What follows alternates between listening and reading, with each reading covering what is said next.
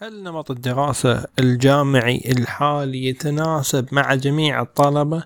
لماذا يجد بعض الطلبة صعوبة في التأقلم مع الوضع الجامعي والدراسة التي تعتمد على التلقين وعلى المعلومات الجافة؟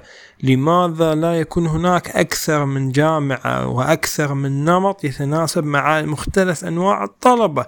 لماذا لا يتم توجيه كل طالب إلى النمط أو المكان الذي يتناسب معه باعتقادي أن هناك فئة من الطلبة تتعلم عبر الممارسة وتتعلم بالتطبيق وهذه الفئة وجدتها أنها هي الفئة التي تظلم في الجامعات الاعتيادية التي تركز على الجانب النظري. فلماذا لا يكون هناك توجيه وأماكن تتناسب مع هذه العينة والفئة المهمة من الطلبة؟